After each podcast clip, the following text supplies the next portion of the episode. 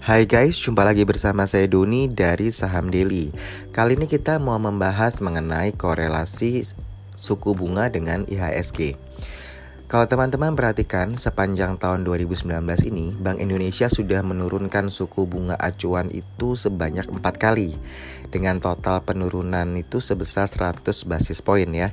Jadi dari Januari 2019 hingga Juni 2019, tingkat suku bunga itu tetap di 6%. Untuk posisi di Oktober ini, tingkat suku bunga berada di level 5% ya. Ya, dengan penurunan suku bunga acuan Bank Indonesia ini tentu berakibat pada menurunnya suku bunga deposito.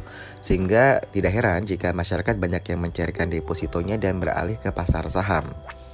Apabila suku bunga rendah, tentu bagi uh, perusahaan ya yang memiliki hutang uh, ke bank itu biaya bunganya atau kita kenal dengan interest rate fee-nya itu akan turun sehingga mau tidak mau laba perusahaan juga akan naik dan investor lebih suka untuk menanamkan dananya di pasar saham. Akibatnya IHSG juga akan mengalami kenaikan. Sebaliknya, jika suku bunga tinggi itu akan berakibat uh, naiknya biaya bunga ya, interest rate fee tadi. Sehingga laba perusahaan juga akan cenderung turun dan investor itu akan uh, kita bilang melepas sahamnya dan beralih menanam dananya ke instrumen investasi pendapatan tetap, misalkan ke deposito begitu ya. Sehingga nantinya IHSG itu akan lebih cenderung turun begitu karena banyaknya investor yang melepas sahamnya. Kalau kita pelajari historical ya dari saya tarik dari 2016 ke 2018 saja uh, di mana tren suku bunga turun dari level 7,5% ke level 4,25%. Ini kalau kita lihat ya uh, di BI 7D reverse ya report rate ini dari tahun 2016 ya. Itu kan dia paling rendah itu di 22 September 2017 ya di mana 4,25% tingkat suku bunga. Sedangkan kalau saya lihat di 2019 puncaknya itu di naik ke 6% tuh di 15 November 2018 ya. Eh, lalu di 24 Oktober 2019 dia turun ke 5% begitu ya.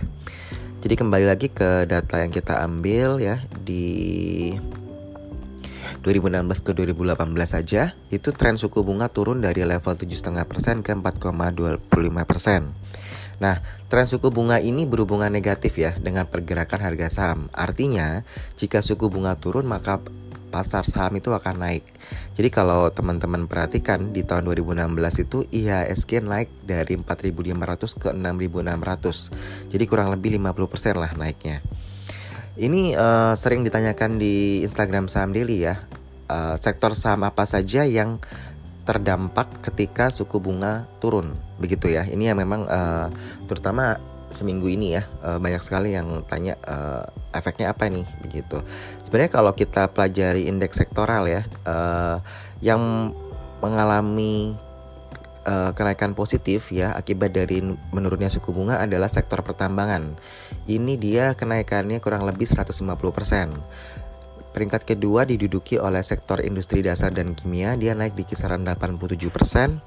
Lalu sektor manufaktur dia naik kisaran 41%, lalu sektor industri barang konsumsi dia naik di 32%, sektor aneka industri itu di 29%, sektor perdagangan di plus minus 22%, Sektor infrastruktur dan transportasi utilitas itu naik 15%, sektor properti, real estate dan konstruksi dia naik 14%. Sedangkan sektor yang paling uh, kena dampak negatif, jadi uh, tidak semuanya uh, kalau suku bunga turun itu jadi positif yaitu sektor keuangan dia itu minus 42% dan sektor pertanian dia minus 5%.